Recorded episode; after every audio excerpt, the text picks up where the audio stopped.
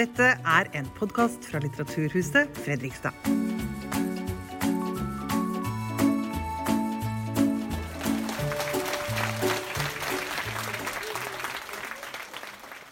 Kjære alle sammen. Hjertelig velkommen eh, hit til oss på Litteraturhuset Fredrikstad. Jeg heter Roy Konradi Andersen og jeg er dagleder her på huset.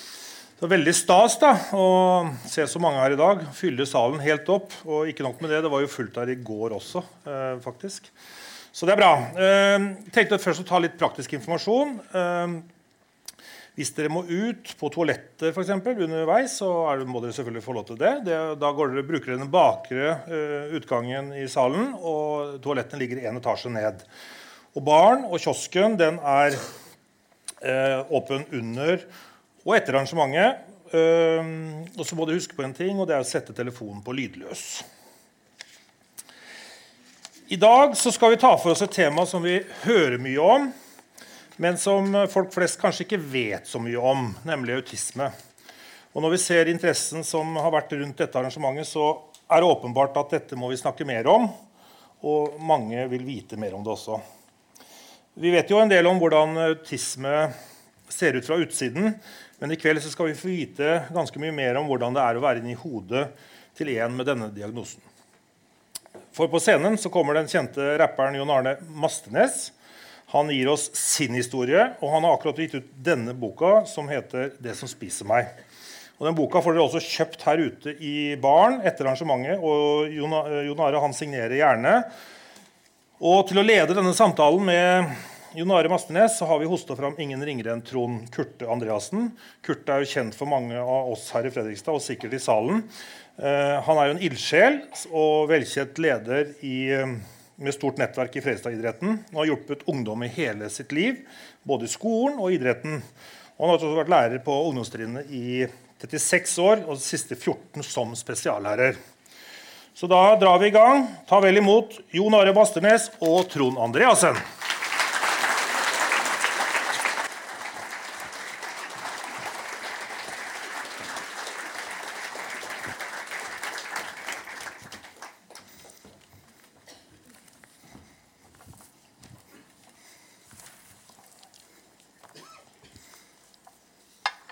Mange folk i dag òg. Jeg prøver å spille helt rolig, og at jeg ikke er nervøs. Hjertelig velkommen til møtet med Jon Are Masternes.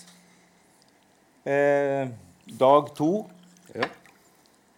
Det gikk bra i går, og det skal gå bra i dag. ja. Vi avslutta i går med å snakke om at nå hadde elevene, altså oss to, vært i kontakt med mestring som var mye av det vi snakka om i går. Og Viktigheten av å mestre ting. Og det, vi mestra det ganske greit i går. Det er helt riktig. Bare for å blåse med vår egen tuba. Ja. Eh, mitt møte med Jon Are Masternes var gjennom eh, avisa i Tromsø. Jeg fikk eh, Roy Freddy snakka med meg her eh, før sommeren og lurte på om jeg kunne være med på et bokbad så er det sånn i hodet mitt så ser jeg muligheten for å kunne svare ja før jeg sier nei. Så i løpet av fem sekunder så sa jeg ja uten å tenke noe mer på det. Og så var det i mitt hode at jeg regna med ja, cirka, Hvis det blir 50, så må det være bra i Fredrikstad. Vi liksom fyller 4000 på stadion og topper tabellen. Så må liksom 50 her på Litteraturhuset. Det må være bra, tenker jeg. Så rulla dette på, da. Og Roy Freddy sendte meldinger at først så var det 50, det var økt til 100, og så 200, og så sa han det var fullt hus. Og så tenkte jeg det blir bra, for da blir det mange som kommer for å høre på. Men jeg har tenkt mye på det. Og så skal jeg innlede litt med å lese litt fra den i Tromsø. For den setter liksom litt hva vi skal prate om litt her i kveld.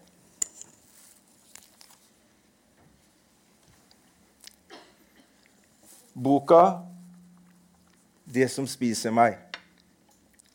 Jon Are håper at boka skal bli mottatt for hva den er, nemlig en beskrivelse av opplevelsene han har hatt med autisme opp gjennom åra. Det er ikke en bok fra behandlerståstedet, selv om han har faglig kunnskap om sykdommen og terapi og behandlingsformene som finnes. Det er en stedet en fortelling om hvordan med hjelp av tilrettelegging, planlegging, behandling og hjelp har kunnet få hverdagene og sin musikkarriere til å fungere på god måte. Mye av det som vi ser i svak svakheter hos den som har diagnosen, kan være styrker dersom hverdagen blir tilrettelagt. Veldig godt sagt. Og så, så tenker jeg at du kan begynne med å lese litt fra boka di, for den er ganske spesiell. For ja. du begynner med slutten i boka di. Det er ikke helt vanlig. Jon Are. Nei, så det jeg skal gjøre nå, er jo det vi på Internett uh, sier uh, Vi trenger en spoiler alert. Jeg kommer til å spoile slutten. Men det går bra, for det, som det meste i livet mitt så er ikke den historien her lineær. Den kommer ganske tidlig i boka. Nok om det. For å fortelle denne historien som er min, må vi egentlig starte på slutten. Ikke slutten som selve døden, men her er jeg i livet nå, som hittil er det lengste jeg er kommet i livet. Altså meg på mitt eldste. Så det er ikke slutten, men hvis man ser på livet som en rett linje fra fødsel til i dag, så vil jo fødsel være start, og så vil i dag være slutten. Per i dag. Men i morgen kommer det en ny slutt. Det er viktig å tenke på. Det kommer alltid en ny slutt, og det er altså det her som er begynnelsen.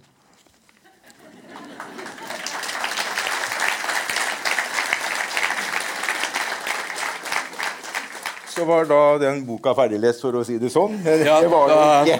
Det var avslørt morderen og alt sammen. Eh, så tenker jeg at det første spørsmålet jeg tenkte å spørre deg om, Jon Are, er hva var bakgrunnen for at du ville skrive denne boka? Ja, um, altså Hele premisset for det jeg skriver om, er jo om noen sentrale utfordringer ved å få sånne type diagnoser sent i livet. Og For min del var det viktig å fortelle en historie som både kunne gi altså, perspektivet fra personene det er snakk om, når vi snakker om denne type diagnoser, men også noen sentrale utfordringer med hvordan det er å vokse opp med feilaktige merkelapper. Altså merkelapper som er ment å forklare noe, men som oftest bare er gitt deg for å stemple deg ut av et system så fort som mulig. Som fører til en del sånn feil diagnostisering på det verste, men også stigmatisering og en veldig stor selvforakt. Um, så for min del er det litt sånn å kunne ta kontroll over både hva jeg har vært gjennom, men hva jeg ser for meg at mange andre går gjennom også. Og at um, det er et stort behov for litteratur som snakker om det her fra innsida, altså mennesket først-perspektivet. Fordi vi har masse behandlerlitteratur og hvordan det her ser ut, diagnostiske manualer, og alle de er kjempeflotte til sin bruk, men de forteller veldig lite om det vi ikke har direkte tilgang til. Og selv om jeg skriver om en del eh, greier, så er jo ikke det nødvendigvis fasiten på hvordan alle med sånne diagnoser har det. Men det kan fortelle litt om hva enkelte av de greiene der er. Og så er det også noe med å kunne se eh, rasjonaliteten bak det som blir sett på som litt ufunksjonelt hos, hos, oss som observerer den atferden. Ufunksjonelt er jo et ord jeg får litt sånn eksem av. Fordi det meste har en funksjon, det er bare at vi ikke vet helt hva den er. Så hver gang det er snakk om stereotypi, og sånt, så, så er det jo ufunksjonelt som ofte blir sagt. Og det var jo sånn da, Joare, at denne diagnosen fikk du når du var 35 år gammel. Mm. Det er et eh, langt liv så langt. Og så du gikk og mistenkte at du hadde diagnosen. Hva var det som gjorde at du tok skrittet, at du, liksom, at du tok det siste steget inn for liksom, dette her må jeg finne ut av? Ja, det er jo det som jeg var litt inne på, det med å få de merkelappene. Og det som er så kjedelig med oppsummerende merkelapper, er at de ofte er bare ett ord som er ment å beskrive det samme vi nettopp har observert. Så folk har sagt at jeg har angst fordi jeg er redd for ting. Men det at jeg var redd for ting, var grunnen til at du sa jeg hadde angst. Så det her blir veldig sirkulært, sammen med depresjon. Og hver gang jeg har fått en sånn type diagnose som de greiene der, så har det føltes som en veldig ufullstendig forklaring. Og så var jeg så heldig at jeg fikk jobbe med barn med autisme og har vært stefar til en gutt med autisme og har jobba i bolig og har veldig mye sånn erfaring, som gjorde også at jeg begynte å fordype meg i en del av den litteraturen. Og, kunne, og så begynte jeg å lese da, om liksom, det, det, jeg fant av sånn type litteratur. sånn person først-greier. Og da de snakka om opplevelsene sine, så tenkte jeg sånn Det er jo ikke unormalt. Det er sånn som vi alle har det. Og da var det sånn ah, Mm, OK, jeg, jeg forstår.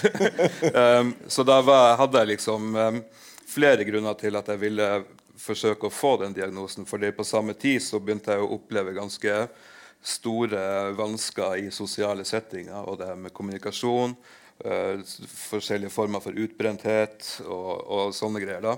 Særlig knytta til det om at jeg konstant driver og tolker alt som skjer rundt meg. Og det var um, sånn um, at jeg gikk til legen da mens jeg fortsatt var frisk. Altså frisk som jeg kunne gå på jobb. Um, og det som er litt merkelig med nevroutviklingsforstyrrelse, er at du får som regel ikke tilbud om en sånn utredning hvis du funker i hverdagen. Men simsalabim, en måned etterpå så funka ikke lenger i hverdagen. Og da var det liksom Yes, men da kan vi jo utrede det. uh, som er litt sånn merkelige greier. Og som sagt så var jeg 35 år uh, da jeg fikk diagnosen. Så um, jeg er jo fan av ordet tidlig intervensjon. Så jeg skulle ønske jeg kunne sett noe til det. Men, men dette er da en uh, ganske forsinka intervensjon. Ja. Og så skriver du i boka di at du alltid har følt deg annerledes. Hvordan kjente du på denne annerledelsen og ulikheten fra de andre? Det har vært uh, ofte knytta til det å ikke få til å snakke. Også at jeg har veldig mye glup til jeg tenker at jeg kunne ha sagt, men jeg bare aner ikke hvordan jeg skal gjøre det. Altså Både det at ordene bare stopper og ikke vil komme ut, at jeg ikke får til å bevege musklene rundt munnen, ikke skjønner om det er min tur eller noen andre sin tur, og sånne type greier. da. Og det gjør jo til at jeg blir observert som en som er veldig stille og rolig. og Gjør ikke noe stort oppstyr og sånt. Men det som egentlig er greia, er at jeg er livredd. Jeg aner ikke hvordan jeg skal gjøre det her. Og da kan man ofte liksom fly litt under radaren, da. Men, um, men så er det også det at du kan havne veldig på utsida når du er en person som aldri snakker. Og i spesielt i perioder der jeg har vært helt mute, altså ikke kunne snakke i det hele tatt, så har jo folk i ettertid sagt at du, den der perioden når du ikke snakka, var ganske slitsomt for oss andre også. Eh, så sånne type ting. Men også bare det å, å, å misforstå veldig mye i hverdagen. Um, det er jo veldig tungt å misforstå ting, og spesielt så ofte. Men ofte så er jo frykta for å misforstå mye verre enn misforståelsen i seg sjøl. Uh, og der uh, kan man også føles, føle på en veldig stor annerledeshet. Da, der Nå forstår jeg ikke helt. Og så har du ikke anledning til å stoppe opp når du er fem år og si du, unnskyld, kan du forklare litt nærmere hva du mente? Så da blir man jo gående og bare ikke forstå ting. Um, som er et litt sånn abstrakt måte å snakke om det på. Men, um, men ja. Det er i hvert fall veldig lett for barn å føle seg annerledes på bakgrunn av de greiene der. Ja. Og når jeg leste boka di, så var det spesielt uh, et tema som berørte meg veldig. Og det, det handler jo da om der du beskriver i boka om overgangene. Mm. Eh, Gjennom boka så forsto jeg og har skjønt at mamma har vært viktig i livet din, og har, du har hatt en flott mamma. Og når, dere, når du var fem år, så flytta mamma til Tromsø sammen med deg for å, for å, studere. Og da skulle du starte på en barnehage som ligger i hvert fall ikke i Tromsø sentrum. Den lå ute i Tromsdalen. Og så, så, kan du beskrive litt det første møtet som du da du møtte det offentlige, institusjonelle Norge, på en måte. Og ja. hvor du da som Du er liten, du er usikker, du skal ut i en stor verden med femåringens øyne og tanker. Kan du si litt hvordan du ble møtt i Tromsdalen? Ja, fordi det er jo ofte sånn um, Det er jo skummelt å skulle komme til en ny plass. Altså Det trenger du ikke noen spesielle diagnoser for å, for å kjenne på i det hele tatt. Men, uh, men, uh, men, for folk med de type diagnosene så kan det være litt ekstra skummelt. Og der kan jo også mindre overganger være ganske skummelt, som både, både, veien til jobb kan være skummel, veien til skolen, små ting, men også overgangen fra barnehage til skole eller mellom barnehager. Så jeg begynte i en ny barnehage. Den lå jo en god halvtime, 40 minutter reising unna der vi bodde, som var mye, og spesielt for en som gruer seg til absolutt alt i hele verden. Så det var god tid til å grue seg på vei til, på vei til barnehagen. Um, men uh, så var det det at jeg kom inn der, og at jeg ble møtt av ansatte som ikke nødvendigvis uh, hadde så veldig god tid. Uh, så det var veldig lett å bare sluse ungene inn og så ja, men you figure it out. Gå og gjør det du gjør som barn. Ikke sant? Og da var det veldig lett å kjenne på den eh, samme følelsen av å være annerledes som jeg var inne på. Altså at det er vanskelig å ta kontakt med noen. Og at når du ikke har en sånn voksenperson som støttespiller, så er det enda vanskeligere. Og da er du på en måte Ja, da er det litt sånn tut og kjør. Da får vi se hvordan det går, da. Og i hvert fall I det tilfellet så gikk det jo ikke så veldig bra. Jeg klarte ikke å bli kjent med noen, og de, dem som var der, syntes jeg var litt spesiell. fordi jeg er åpenbart litt, litt spesiell. Men, eh, og, og, de voksne hadde ikke spesielt god tid, eller var gjerne av de voksne som sier ja, men det må du jo kunne. Det må han jo klare.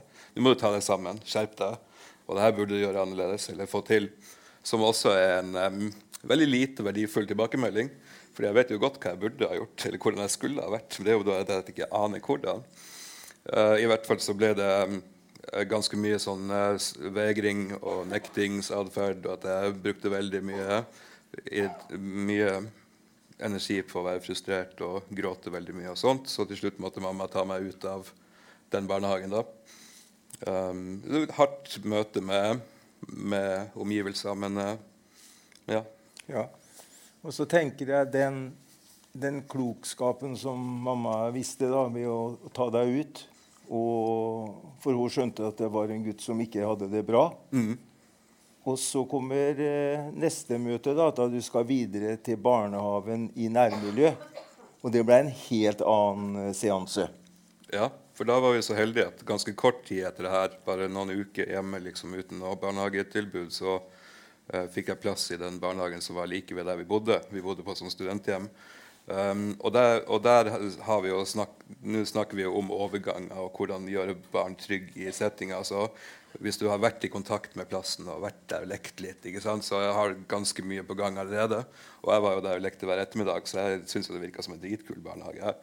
Um, så møtte jeg de voksne der, som var veldig Og her er på en måte liksom paradokset i den historien. fordi det de gjorde, var på en måte det vi vil forvente av en hvordan som helst person som jobber i en barnehage.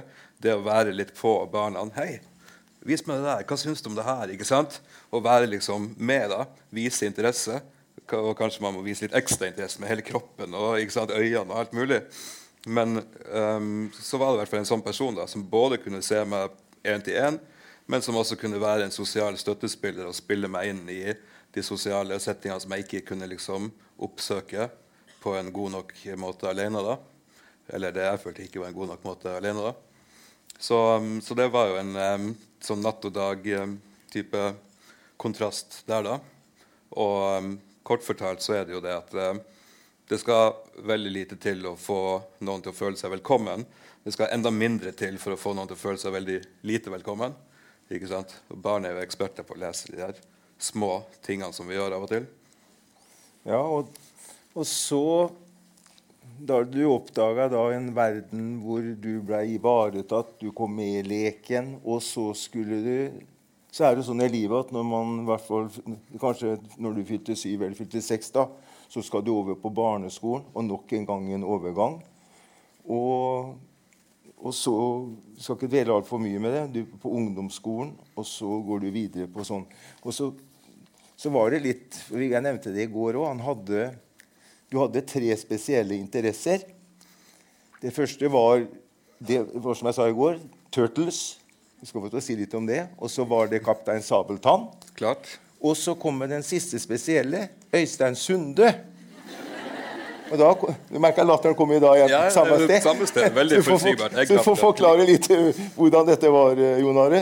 Ja, uh, jeg bruker jo å kalle Turtles, Kaptein Sabeltann og Øystein Sunde for Kultur-Norges de tre store. Det er dem som virkelig har gjort en stor forskjell i Kultur-Norge. Um, Kaptein Sabeltann vet jo alle som har vært foreldre eller jobber med barn, at der kjøper barn sånn. Det er liksom første strofen, så er de solgt. Turtles, skilpadde, kult og ninja og mutant. Og fortell meg mindre, jeg er allerede solgt.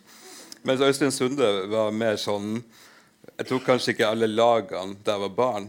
Det så bare ut som en litt klovnete fyr som sang veldig fort. Og det funker jo bra på barn, det også. Ja. Og Senere skulle jeg bli veldig interessert i andre mennesker som snakker fort og rytmisk. Så ja. det var liksom en forløper til det. da. Ja, Og så, så tenkte jeg liksom, jeg vet meg også merke til da på, etter hvert som du fikk nye, da, så ble det Star Wars, og så var det Michael Jackson. Uff, ja. Ja, For den kjente du litt igjen med hansken.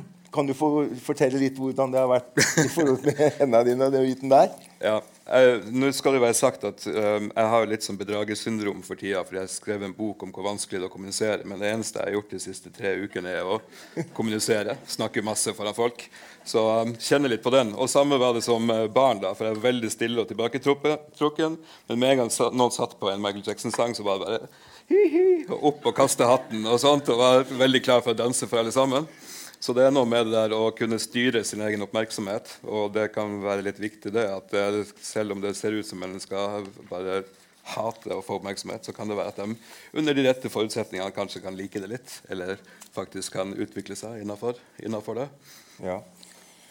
Og det blei videre ungdomsskole, videregående skole. Og da skjer det noe spesielt i livet ditt når du kommer på videregående. Mm. Eh, da opplever du din første autistiske utbrenthet, noe som kanskje som skjer ofte kanskje for noen i litt eldre alder. Kan du forklare hva den, altså, hva, hvordan merka du det, og hva gikk den utbrentheten nå ut på? Ja. Um, jeg kan begynne med å si at rundt den alderen fra ungdomsskolen og videregående så skjer det jo veldig mye sosialt uh, i mennesker liv. Det er veldig store sprang da og veldig mange koder å henge med på.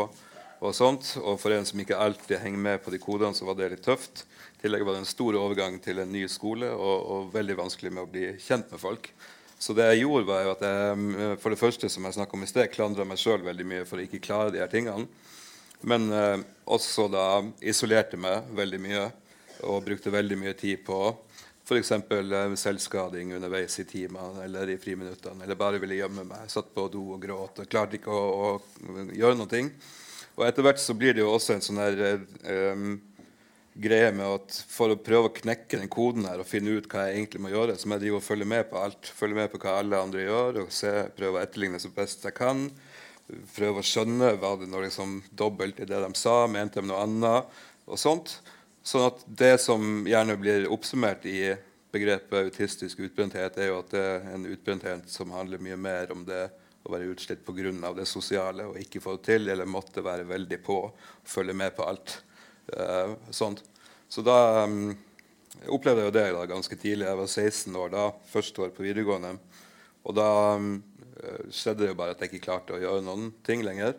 I tillegg hadde jeg ganske destruktiv atferd på mange områder som gjorde at summen av det gjorde at jeg bare ikke klarte mer. Så jeg kollapsa, og så var jeg hjemme fra skolen ganske lenge.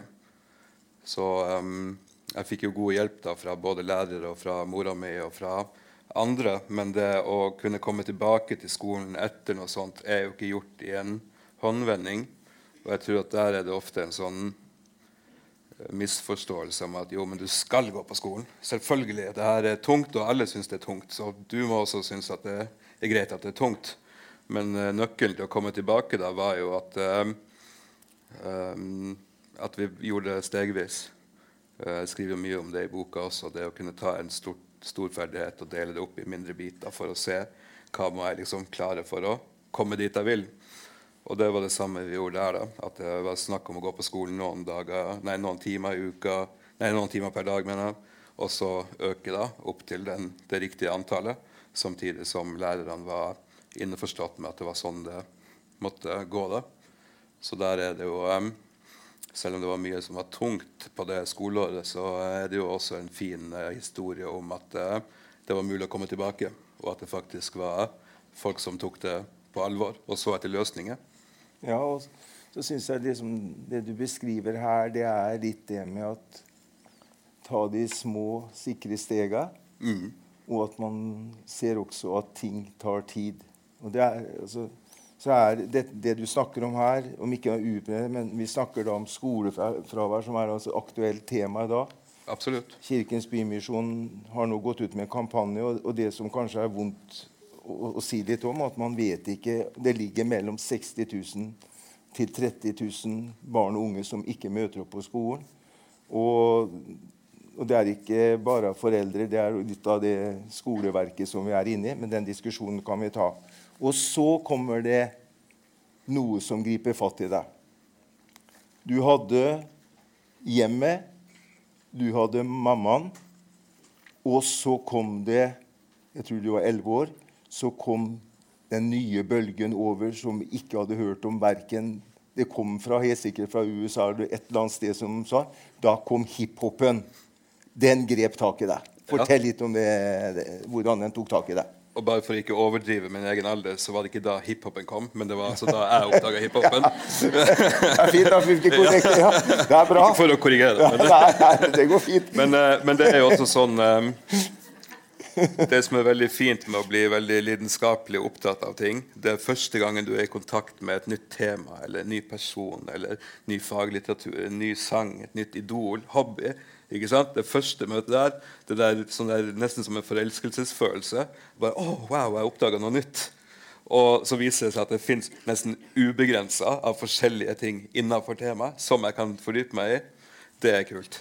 Og det snakker jeg også mye om, det med de særinteressene. At uh, det å kunne fordype seg i sånne ting, og særlig hvis man er av en litt repetativ eh, person, da, og kunne gjøre, se på det samme og bli like liksom, stimulert av det hver gang man ser på det, nydelig.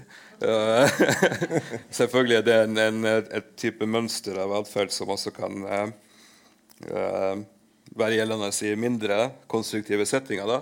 Men sånn med musikk for min del så var det jo bare helt herlig. Og så var det veldig trygt også hvis skolen var litt utrygg. Så med en gang klokka var to og jeg kunne springe hjem, bodde bare et kvarter unna skolen, så bare springe hjem, slenge av meg sekken, gå inn på rommet, sette på CD-spilleren. Det var CD da. Og så bare og, og høre på det samme om igjen. Så, åh, så kult! Um, lærte alle tekstene første dagen og sånt. Uh, veldig stas. Og så hadde du et, eh, du hadde et spesielt forhold til platebutikker òg. Ja. For du, det var ikke sånn at du, gikk inn, du gikk inn og så, så på to-tre ulike ting. Du måtte ja, du får den der gode bevegelsen når du klarer å liksom få den der gjennom alle CD-greiene. Det var jeg ganske god på. Og det her er, har jeg dessverre ikke skrevet i boka, men en annen ting som jeg brukte å gjøre, var jo at jeg gikk på platekompaniet, og da kunne man liksom ta med en CD i kassa og si 'jeg vil høre på den'. Det er jo at jeg kjøpte meg en brus og kanskje en pakke boller. Og så tok jeg fire-fem CD-er og sa du, jeg kommer til å bli her en stund. det var en nydelig tid. Ja, og vi, og vi, og vi snakka litt om det i går i forhold til det i sammen i går, om det med når, vi, når vinylplata kom, da, LP-plata kom, så var det, det, det var ikke som Spotify. Det var, altså, det, det var noe hellig som kom inn, dro opp, så på coveret, så på tekstene. Skjønte ikke alt hva som sto der, men det var jo på fremmede språk, så det var ikke så rart. Så var det den biten der og, og den her. Ja. Så tenker jeg at du kan få til å lese et utdrag til fra boka di. Og jeg vet ikke om det var det du kalte for festen. Var det den du skal ta nå? Ja, jeg skal lese fra det som heter 'Festen', og som handler litt om de sosiale tingene som kan oppleves eh, vanskelig. Forresten, jeg har ikke lest høyt for andre voksne folk eh, siden, eller for voksne folk siden jeg gikk i sånn fjerde klasse frem til for et par uker siden. Så jeg, jeg er fortsatt litt rusten, men eh, dere får bære Det går over meg. Det går bra. Det er som om de spiller et spill jeg ikke kjenner reglene til, og som endrer seg hele tida. Først spiller de Den forsvunne diamant, og akkurat når det blir min tur, har det skifta, og nå er det bridge. Jeg lurer på om jeg skal trekke et kort, men så viser det seg at det er monopol, før de forventer at jeg kaster yatzyen på første forsøk og må gå ned tre rader i stigespillet. Alt uten å si noe til meg om at spillene endrer seg i takt med hver setning som sies. Tilbake til start, tilbake til start, inn i fengsel, men jeg får 5000 i Cape Town, før jeg får fire på rad og blir slått inn igjen i ludo. Jeg prøver så godt jeg kan å imitere de andre, men til slutt gir jeg opp og vil helst sabotere spillet for alle sammen. Liten applaus.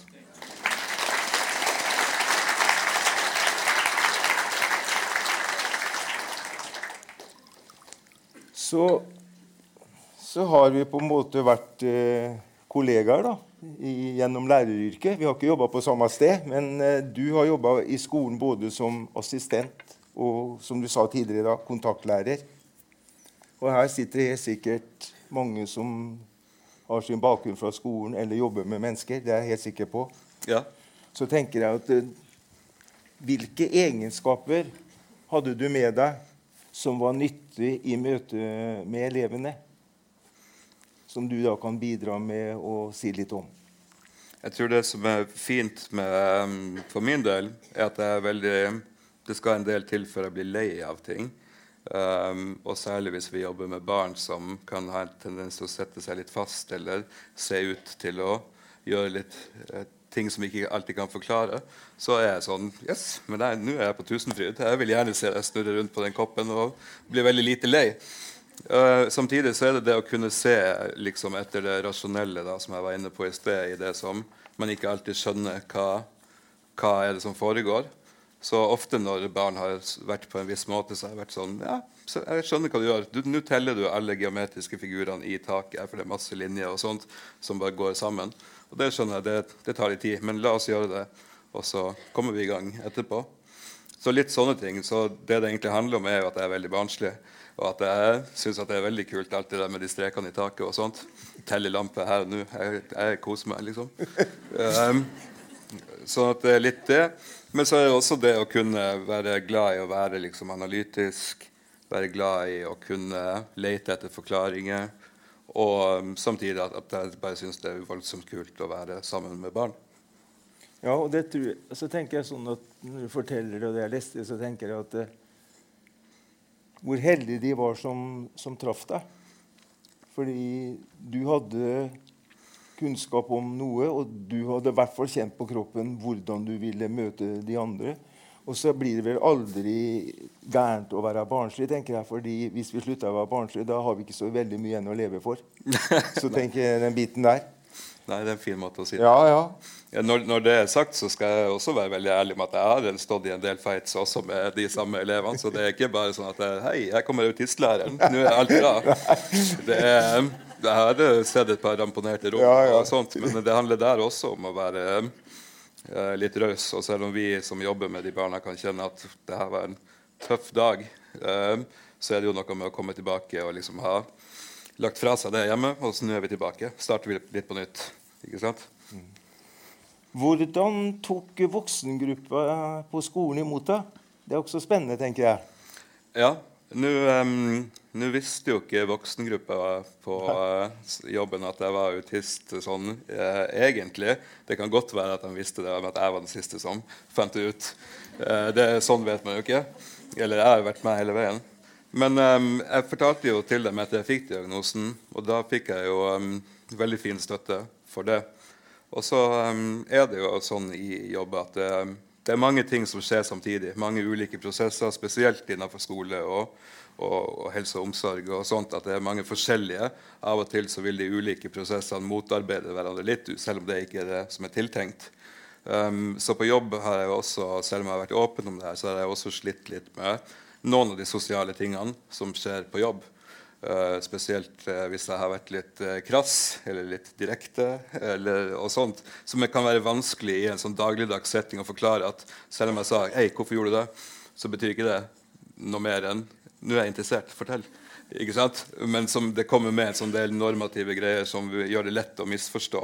Og der er det jo der har man jo en vei å gå både som et nevrotypisk samfunn, men også for oss som er på den litt andre sida. At det, her er det noe relasjonelt. ikke sant? Her er det verken den ene eller den andre som, som, gjør noe galt, men akkurat mellom oss skjer det noe som, som, kan være vanskelig å få taket på. Ja.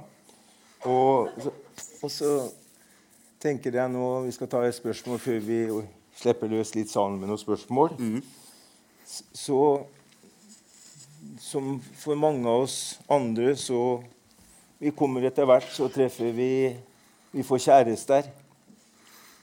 Og ikke alltid så lett. Og du har beskrevet litt i boka di at det har i hvert fall ikke vært for deg. Kan du si litt om på hvilken måte du har opplevd litt av disse forholdene du har vært inne i? Ja, og da vil jeg starte med å si at Alt var hennes skyld. Jeg gjorde alt jeg skulle hele tida. Og um, jeg er en kjernekar, men alle de andre som er dumme. Ikke sant? Da vil det hun har gjort. Men det som kan være litt vanskelig der, er jo det å, um, å, være på litt ulikt sted og kanskje snakke på litt forskjellige nivå.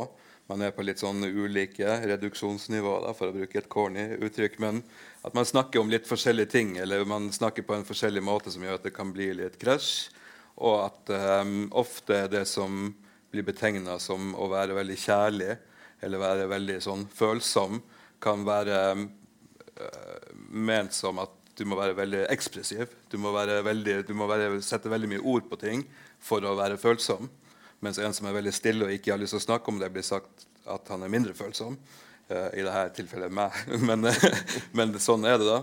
Men så, så, er jo det litt sånn med hvordan man skal finne en god måte å snakke og vise følelser på som ikke som kan ta alle sine behov uh, kan ta hensyn til alle sine behov. da. Så det kan være ting som har vært litt vanskelig. Og så er det jo ikke til å komme unna at jeg har en del eh, repetitiv atferd også hjemme, og som kanskje kan være vanskelig å forholde seg til da, eh, for en eh, eh, partner eller samboer eller hva det måtte være. Ja. Som da også vil være på det jeg snakka om, det med behovet for å forklare ting. Og når vi ikke klarer å forklare det, så er det noe usaklig og noe irrasjonelt du egentlig holder på med. Mens jeg har en veldig eh, funksjonell forklaring på hvorfor jeg må gå rundt, eller hvorfor jeg skal i hodet mitt mye, eller sånne type ting. Så det handler jo egentlig bare om kommunikasjon og hvor vanskelig det er å snakke om helt sånne dagligdagse ting. Og så når det er sagt, så er jo ikke det her noe som er enkelt for noen, egentlig.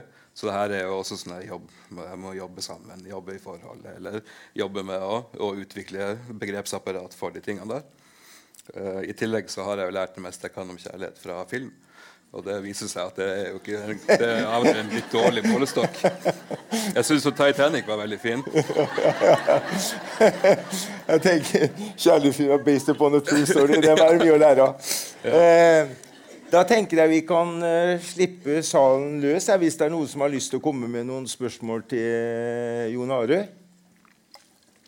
Nå ser ikke jeg hvem som rekker opp hånda, for vi har motlys her. Så det er, er det noen som uh, har lyst til å komme med. Du har muligheten nå. Det ikke være, bruker ikke være beskjeden når vi er fra den byen her. Det er også ja. Det er bra. Det er en som åpner opp. Flott. Ja, det var bra. Jeg begynte å bli usikker.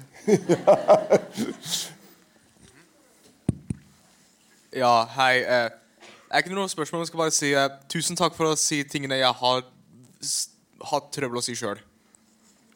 Fra en autist til den andre, tusen takk. Sjøl takk.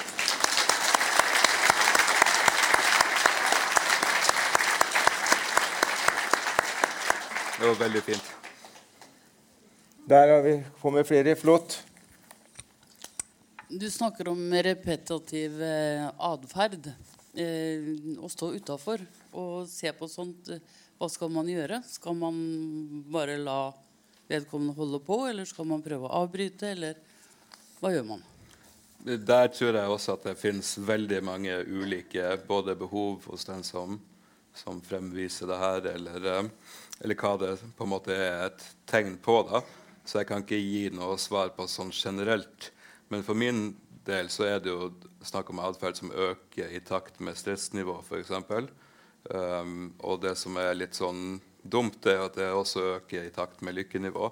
Så det kan være veldig vanskelig å se forskjellen på at nå er han veldig glad eller nå er han veldig vanskelig. Men um, for min del så har, um, har, det vært en tendens til at når jeg begynner å gjøre ting med hendene, beveger meg veldig mye sånt, så har folk veldig velmenende da, men har prøvd å holde fast handa mi. Um, jeg kan jo bare avsløre med en gang at det som ofte skjer hvis man prøver å holde et menneske fast, er at det stritter veldig imot. Så da har vi på en måte en helt ny situasjon gående. En som er sur fordi at jeg ble brå, og så meg som er sur fordi at jeg nå var jeg på en måte midt oppi noe annet. Um, og beklager, det er det på en måte meste jeg kan si om det. da, Men altså at det vil uh, ha veldig mange forskjellige funksjoner. Og så tror jeg at uh, i den grad mennesker det er snakk om, kan svare på det, så det, kan det være lurt å snakke om det. Men i den grad en ikke kan si noe om det sjøl, så kan det være lurt å følge litt med på hvordan det ser ut i forskjellige settinger, om, om det er mulig å se noe forskjell på det her som fremstår som likt, og, og om det da er stor variasjon i hvor lenge det pågår og sånt. Eh, bare min uh, ydmyke mening. Tusen takk. Sjøl takk. Andre?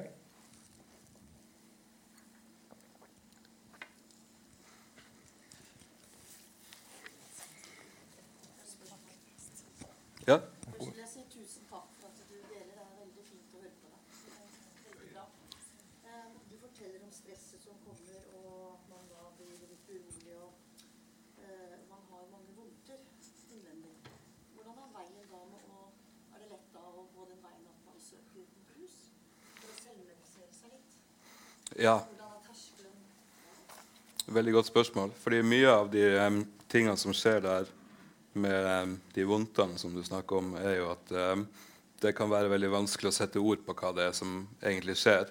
Ofte kan vi gå og føle på et ubehag uten å merke at det er et ubehag. Eh, har du lyst til å gjenta? Jeg gjentar med min mikrofon. Jeg er ganske ny til det her. Altså. Spørsmålet var hvordan det er når man går og føler på et stressnivå og eh, mange forskjellige typer ubehag, og om det da kan være lett å ty til rus for å selvmedisinere. Var det Ja. Og da er jo svaret det at um, det er vanskelig å ha et godt begrep, begrepsapparat rundt det med følelser, f.eks. For, eksempel, for mange. For meg er det fortsatt helt håpløst. Men um, en veldig effektiv måte å komme unna et sånt ubehag på, er jo nettopp rusmidler. Og, um, og, det som er så fint, eller det som er så dumt med rusmidler, alt etter hvordan perspektiv vi ser med, er jo at de kan fylle funksjoner både når vi er glad og når vi er trist. Og at det kan være snakk om akkurat samme middel som, som hjelper oss i begge settingene. Så ut ifra en sånn forklaring så kan vi jo se at det har veldig mye med følelsesregulering å gjøre. Og, det, og kanskje mangelen på følelsesregulering at det er vanskelig å vite hva det er som skjer. Jeg er oppspilt, men ja, jeg trykker på av-knappen, og så klarer jeg å slappe, slappe litt mer av. Uh, mye av min rusbruk har handla om selvmedisinering bare fordi at jeg ikke aner hva det er som er galt, og fordi jeg er sint på meg sjøl fordi jeg ikke aner hvorfor jeg ikke får det til. Um, men så er det også sånn at rusmidler er en utrolig potent maske. For uh, alt det rare jeg gjør, blir veldig lett å forklare hvis folk bare tror jeg er rusa hele tida. Alle gjør rare ting når de er rusa hele tida. Selvfølgelig beveger han hendene sine sånn og sånt, eller de klarer ikke å snakke ordentlig med folk.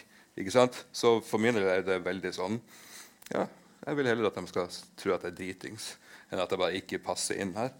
Ikke sant? Og da er det lett å, å søke seg til en sånn outsider-rolle, bare fordi den, den blir selvforsterkende, hele greia da. Var det greit? Takk. Har du noen Ja. Syns du den uh, sosiale biten med kommunikasjon har blitt vanskeligere med alderen? Ja, det syns jeg absolutt. Jeg syns det er mange ting som er um, vanskelig fortsatt. Jeg syns det er vanskelig å avgjøre uh, hvordan og hvem folk er, om det de sier, er, er det de faktisk mener, om ordene de bruker, faktisk betyr det de er, utgir seg for å bety. Og så um, merker jeg at nå er jeg i en alder hvor det ofte skjer en del sånne nye, store sprang. Folk blir voksen. Ikke jeg, men andre folk på min alder blir det. Um, og da skjer det jo også noe med hvordan man snakker sammen, og hva som er greit og ikke greit, og hvor uh, overfladisk eller hvor nær en relasjon skal være. Sånne type ting. Så jeg føler absolutt at det blir vanskeligere. Men det som blir lettere, er jo å, å kunne snakke om akkurat de tingene som er vanskelig. Og det tror jeg også er en sånn greie med å bli eldre. at uh, vet du hva, Jeg bryr meg egentlig ikke hva du syns. Jeg, jeg sier hvis det er vanskelig. uh, forhåpentligvis så vil det vare litt fremover også. Hei. Jeg syns uh, du er veldig god å snakke for deg til å være autist. Takk. Jeg tror det er mange autister som er flinke å snakke. Ja, men jeg er ikke på langt nær så bra som de jeg kjenner. Jeg er ikke på det nivået, for å si det sånn. Eh, men jeg lurte på en ting. Du sa noe om eh, tidlig intervensjon. Eh, du var tilhenger av det. Og behandling. Hvordan, fra ditt ståsted, hva tenker du finnes slags behandling i forhold til det å skulle liksom gjøre det enklere å ha det handikappet man har når man er autist? Ja, jeg tror jo tidlig intervensjon er jo et sånt der ord som har vært i norske sånn, styringsdokumenter i helse og skole i veldig mange år, men som ofte kanskje er lettere å skrive om i et offisielt dokument enn å faktisk gjennomføre i praksis. Um, det er jo det samme uttrykket som heter tidlig innsats, og nå vet jeg ikke hva det heter i den siste læreplanen, men uansett, dere er med, ikke sant? Og, og ofte så vi jo, uh, jobber vi innenfor et system både i skole og helse som er under veldig stort press og det er veldig lite tid til å ta den gode oppfølginga. Og da fører det til at det blir en del sånn la oss vente og se. Kanskje ikke eksplisitt at man tenker det, men det er det som blir utfallet. Vi må bare vente og se litt hvordan det her går. Og da vil det ofte kunne gå litt tid. Samtidig så tror jeg at um, Du spurte om det med behandling. Og jeg tror at behandling um, vi kan gi, er jo det å, å, anerkjenne at det er ikke alle de her type tingene som kommer like enkelt for alle. Og det er jo en veldig sånn typisk diskusjon da, om at ja, skal skolen lære bort alt, skal ikke noen være oppdragelse og ikke sant? Mens uh, de her type greiene er jo ting man kan trene på. Å være trygg i settinger og kunne liksom uh, lære gode måter å ta kontakt med andre på som ikke nødvendigvis innebærer uh, slagsmål eller rus eller andre typer ting, da, men som vi faktisk kan lære. Og så tror jeg det er viktig at vi kommer i gang med å øve på sånne type ting tidlig. Jeg tror ikke nødvendigvis at en sånn type behandling vil være gunstig kun for mennesker med nevroutviklingsforstyrrelser. Jeg tror at det er god tilrettelegging for autister er ganske god tilrettelegging for dem som ikke er autister også. Så jeg tror at dette er ting som kan komme flere til gode. da. Var det et OK svar? Takk for det. Går det greit? Ja. ja. Da tar vi de fire, og så ja, um jeg har ikke lest veldig mye om deg før vi satte oss ned her i dag. Men hvilken diagnose har du egentlig? Og hvordan følte du deg når du fikk den diagnosen fra psykiateren? Da? Jeg antar at det var en psykiater inne i bildet. Ja. Jeg har um, ASF, Tourettes syndrom, um, ADHD, men det vil de ikke gi til folk som har en rushistorikk. Så den, um, den får bare ligge for nå, fordi jeg er litt lei. Og også i tillegg til de vanlige angst og depresjon og gjennomgripende alt mulig utviklingsforstyrrelser. Um, da jeg fikk diagnosen, så var det egentlig eh, ganske fint. Fordi um, jeg gikk jo dit med den klare tanken om at jeg tror det her er svaret. Um, og så um, måtte jeg jo kjempe litt, og som jeg ofte når jeg møter nye psykologer Bare før jeg fortsetter, så har jeg hatt eh, seks-syv psykologer de siste par årene, så jeg møter ganske mange. Um, uh, men jeg må ofte gi dem en viss opplæring i, i, hvordan det her skal gå for seg. Hva er det jeg som pasient forventer, og hva er det du er pliktig å gi meg? sånt. Veldig lite sympatisk pasient å ha.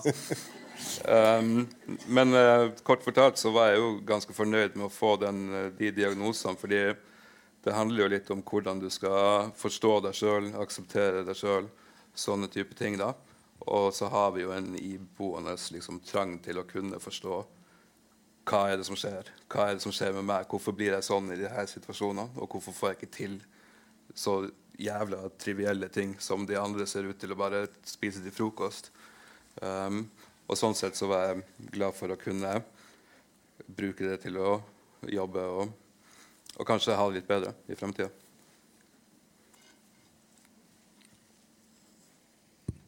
Ja. Ja. Uh, ja. Tre ting veldig sånn kjapt. Først så vil jeg si uh, takk for at du deler din historie med oss. Uh, fra én med autisme til en annen. igjen. Ja, det andre, veldig godt svar på Det er flere av oss som er flinke til å snakke for oss. Ja. Det er flere av de. Og uh, den tredje er uh, Dette er litt mer som påminning til visse i publikum. Mer enn de, Det er litt mer sånn til alle at nå, du deler jo din historie mm. om din autisme.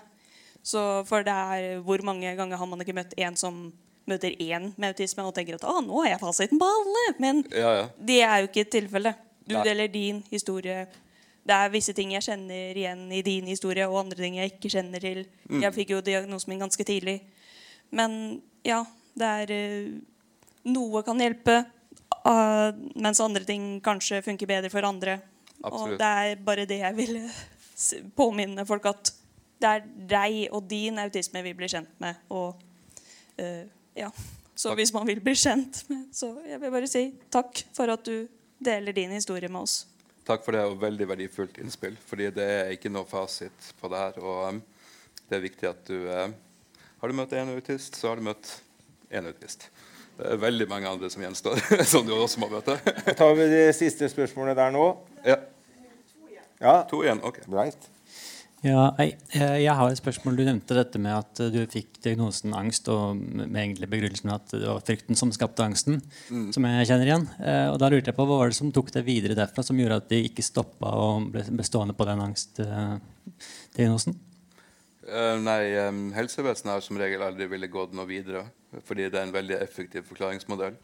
Uh, så det er jo egentlig jeg som har måttet gå videre fordi jeg følte at det ikke forklarte nok og fordi det kanskje forklarte en del, men ikke alt. så forklarer jeg ikke hvor det kommer fra, og hva, hvorfor det her er et såpass tilbakevendende problem, selv om jeg kan bli, få alle medisinene i verden og fortsatt vise de akkurat samme symptomene.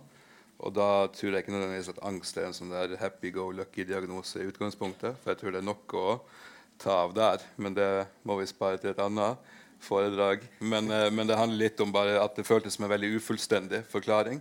Um, og sammen med depresjon også. For skal vi tro på depresjon og angst uh, I mitt tilfelle så har jeg vært deprimert og hatt angst siden jeg var åtte. Og det syns jeg er litt tidlig til å utvikle sånne voksen, voksensykdommer. Men uh, ja. Var det greit? Takk. Neste. Ja, hei. Uh, takk for at du deler. Jeg har bare lyst til å spørre deg sånn, I og med at du sa at du fikk diagnosen først i voksen alder da, på, mm. på, DPS. Hvis du skulle gitt et, sånn, et råd eller altså noe du gjerne ville ha delt i forhold til hvordan var oppfølginga etter at du fikk diagnosen? Og hva hadde du ønska hadde vært der? Og så er jeg enig i det at har du møtt én, så har du møtt én. da. Absolutt. Men, men, jeg tror det er veldig viktig ja. å, mm. å, minne på at jeg var glad for påminnelsen.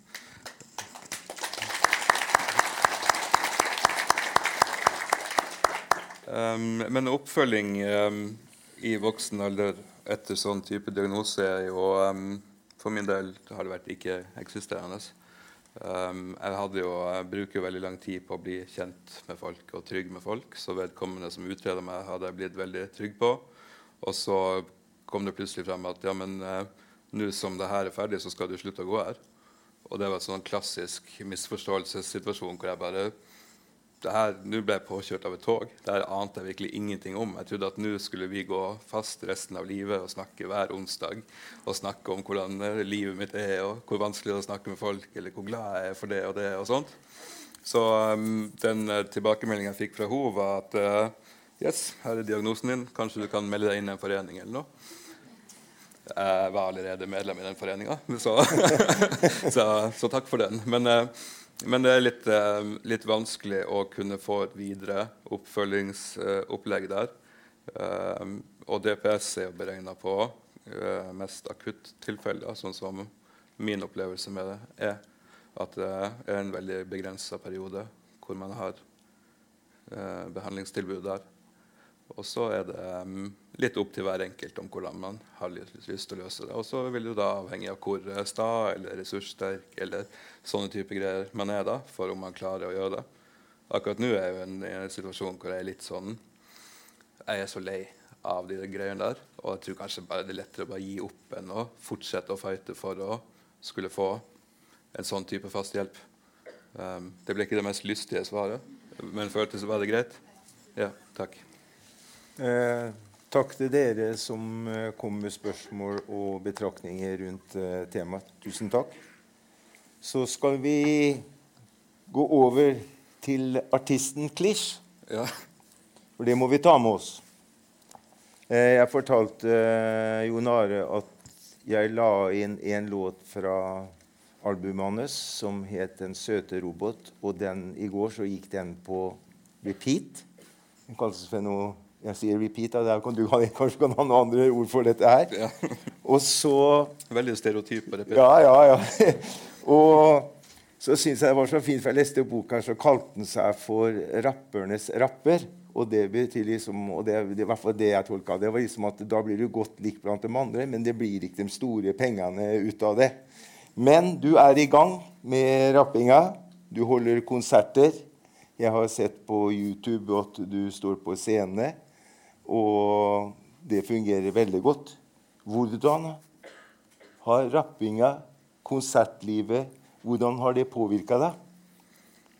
Jeg tror det er jo litt sånn der med de særinteressene og liksom å føle at man er veldig i flyt med ting. At det er veldig godt å kunne føle på noe sånt. Samtidig så er det en måte å kommunisere på som ikke følger de vanlige måte, rammene for kommunikasjon. Gjør at man kan gå litt utfor eller finne sitt eget tempo og gjøre ting i. Og så er det det som er fordelen med å stå på en scene foran mange folk. Der er det veldig satt hva det er som skal skje. Det er veldig få anledninger til å misforstå noe i det her forholdet mellom oss akkurat nå. ikke sant? I tillegg så er det jo med rapptekster så fint at man kan lære dem utenat. Det er rett og slett ingenting å tenke på. Så det er en sånn cheat code til eh, kommunikasjon. Ja. Og så tenker jeg liksom eh, Vi har også, vi snakka litt om i går at eh, vi, vi, har noen sånne åpne spørsmål som, går, som, du også kan si litt om. da. Mm. Så tenker jeg Hvilke råd vil du gi til folk som sliter med angst? Ja. Um, det må dere kjøpe boka for å finne ut. Ja. det står på siste side.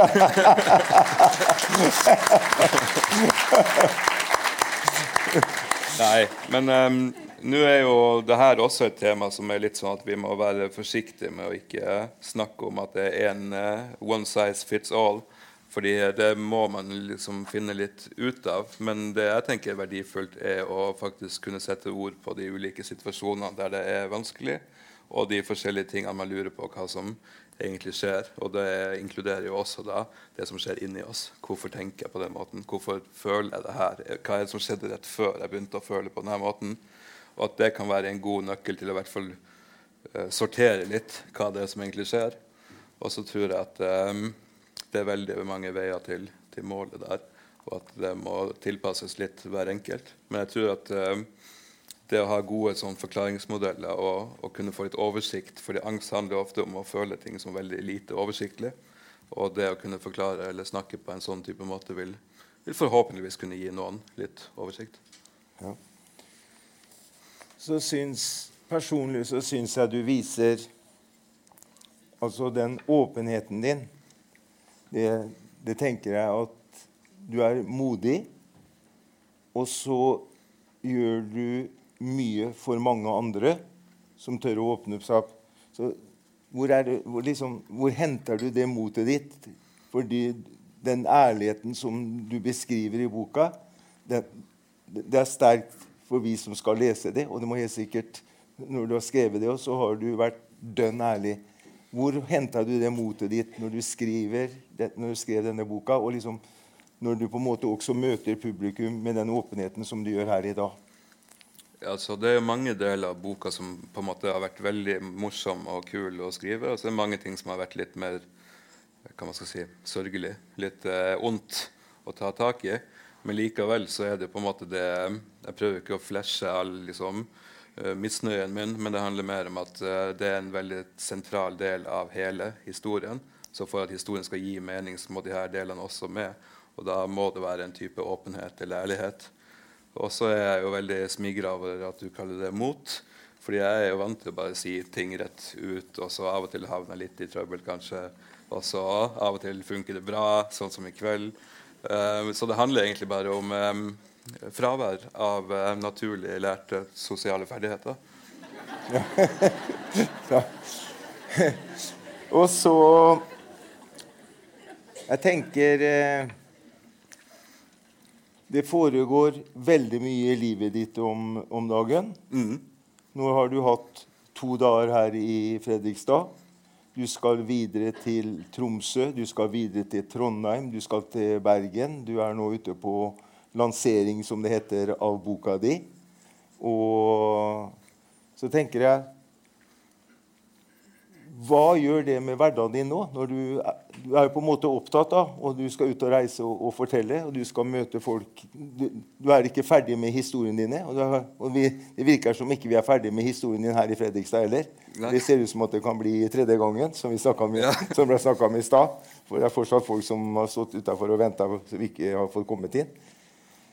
Eh, hvordan er hverdagen din om dagen? Nei, det er jo generelt veldig mye å gjøre. Men det har det vært de siste fem årene uansett. Og jeg er jo litt sånn um, glad i å holde på med små prosjekter som, um, som jeg setter i gang. og Av og til er de prosjektene ganske store, og så vokser det litt ut av proporsjoner. Og så må jeg bare springe etter. Springe etter og fange ballongen, på en måte. Men um, jeg prøver jo å bare um, tilrettelegge så godt jeg kan der jeg kan. Og så må det også Jeg er jo glad i å skrive liste. Liste over hva hver dag skal inneholde, hvordan jeg skal gjøre forskjellige ting. Um, liste over liste jeg må skrive. Forskjellige typer kalendere over forskjellige aktiviteter. Uh, av og til så glemmer jeg å følge med på kalenderen, og så tenker jeg at nå må jeg gjøre noe med kalenderen. Så det jeg tenkte å gjøre nå, å lage en megakalender som samler alle sammen. Det blir som siste bossen i et TV-spill. Det er et TV-spill som handler om kalendere, så du må være veldig nerd for å like det.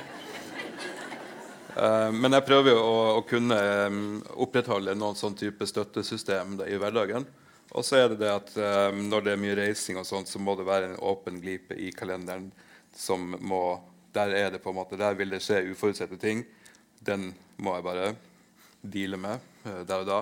Men da er det jo også snakk om å trene inn veldig at det kan komme overraskelser der. Så det er sånn er det. Jeg tenker, Siden du beskriver litt om det med kalendere, da, så skal jeg bare lese hva som står på baksiden av boka di. Jeg har faste regler for hvordan jeg skal være når jeg handler når jeg tar bussen, hvordan hver dag skal være, hvordan andre mennesker skal være, og hva jeg ikke burde snakke om når jeg møter andre. Jeg kan liksom fortelle litt om dette her òg. Så er det vi, Du ser framover, du beskriver litt. Hvordan ser du for deg framtiden videre? Det, kommer det flere bøker? Har du funnet ut at dette, jeg har mer på hjertet? jeg kanskje kan se litt tilbake på den første boka. Er noe jeg vil gjøre annerledes? Hvordan ser du for deg din musikkarriere? Den er helt sikkert ikke ferdig ennå, for den kommer til å gå videre. Og så Ja, hva, hvordan ser du det for deg? Nei, nå fremover så vil jeg jo um, snakke en del om boka. Og så vil jeg snakke om boka både i perspektivet at det er jeg som har skrevet den, at det er min historie, men så vil jeg også snakke om den som et mulig verktøy til hvordan vi kan hjelpe barn og unge og, og mennesker i utsatte situasjoner. Og kanskje være med på å åpne litt av det ytringsrommet som kanskje ser ut til å mangle for, uh, for mange av de personene. Samtidig så er det jo um, har jeg veldig lyst til å skrive mer. Da er det jo Nå er jeg liksom ganske nylig ferdig med den her, så nå er det litt som å komme ut av et forhold. Så tenker du nå skal jeg aldri, aldri bli forelska igjen. Men så tar det liksom en dag eller noe, og så er jeg tilbake. Så, så jeg vil jo veldig gjerne skrive mer. Vil lage en del musikk, en del forskjellig type kunst. Og så vil jeg jo jobbe da med jeg er med en del forskjellige sånn, forskningsgrupper som ofte handler om tilrettelegging både på høyere utdanning og i arbeidslivet og sånt. Så jeg vil jo gjerne få fortsette å jobbe med sånne ting? Eh, da nærmer vi oss enden på samtalen. Personlig så har det vært to flotte dager i sammen med deg. Eh, jeg fortalte i går at jeg var mer enn spent. Jeg var nervøs. Og så fikk vi den litt god tid oppe på rommet før, så ble jeg tryggere. Og så tenker jeg du skal få lov til å avslutte seansen med å lese fra boka di om usikkerheten om alle de spørsmålene som vi da Så vil jeg takke publikum for frammøtet. Og for veldig fine spørsmål. ja, og spørsmålene. Og så kan du lese siste utdraget da, fra boka di. Ja. Jeg skal lese det som heter for usikkerhet. Tror du jeg sa noe upassende? Tror du de blir lei seg? Tror du de liker meg? De liker meg nok ikke. Tror du de reagerte på hva jeg hadde på meg? Tror du de skulle ønske at jeg ikke hadde kommet? Tror du de mente det de sa?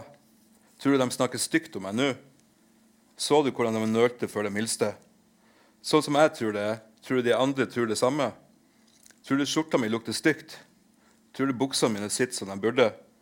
Tror du de la merke til det kule jeg sa? Tror du de la merke til skoene mine? Tror du de vil like meg hvis jeg kjøper noe til dem? Tror du de liker drugs, og at jeg gir det til dem? Tror du vi kan dra snart?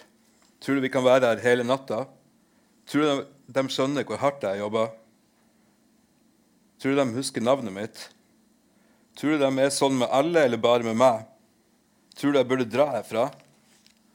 Tror du jeg burde ha skjønt noe før? Tror du jeg snakka korrekt nok? Tror du de har tenkt å dra? Har du tenkt å dra? Tror du jeg kan få være med? Tusen takk.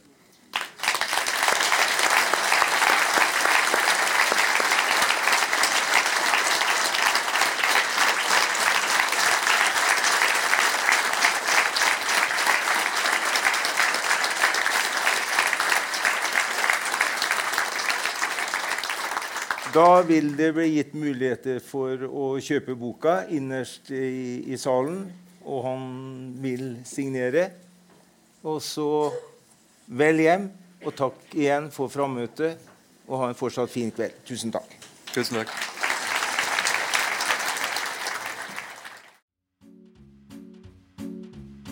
Du har hørt en podkast fra Litteraturhuset Fredrikstad. Vi er støttet av Kulturrådet, Fritt Ord, Fredrikstad kommune, Fredriksborg eiendom, Viken fylkeskommune, Sparebank1 Østfold Akershus, Verksted AS, Fredrikstad Energi, Gjensidigestiftelsen og Handelsbanken.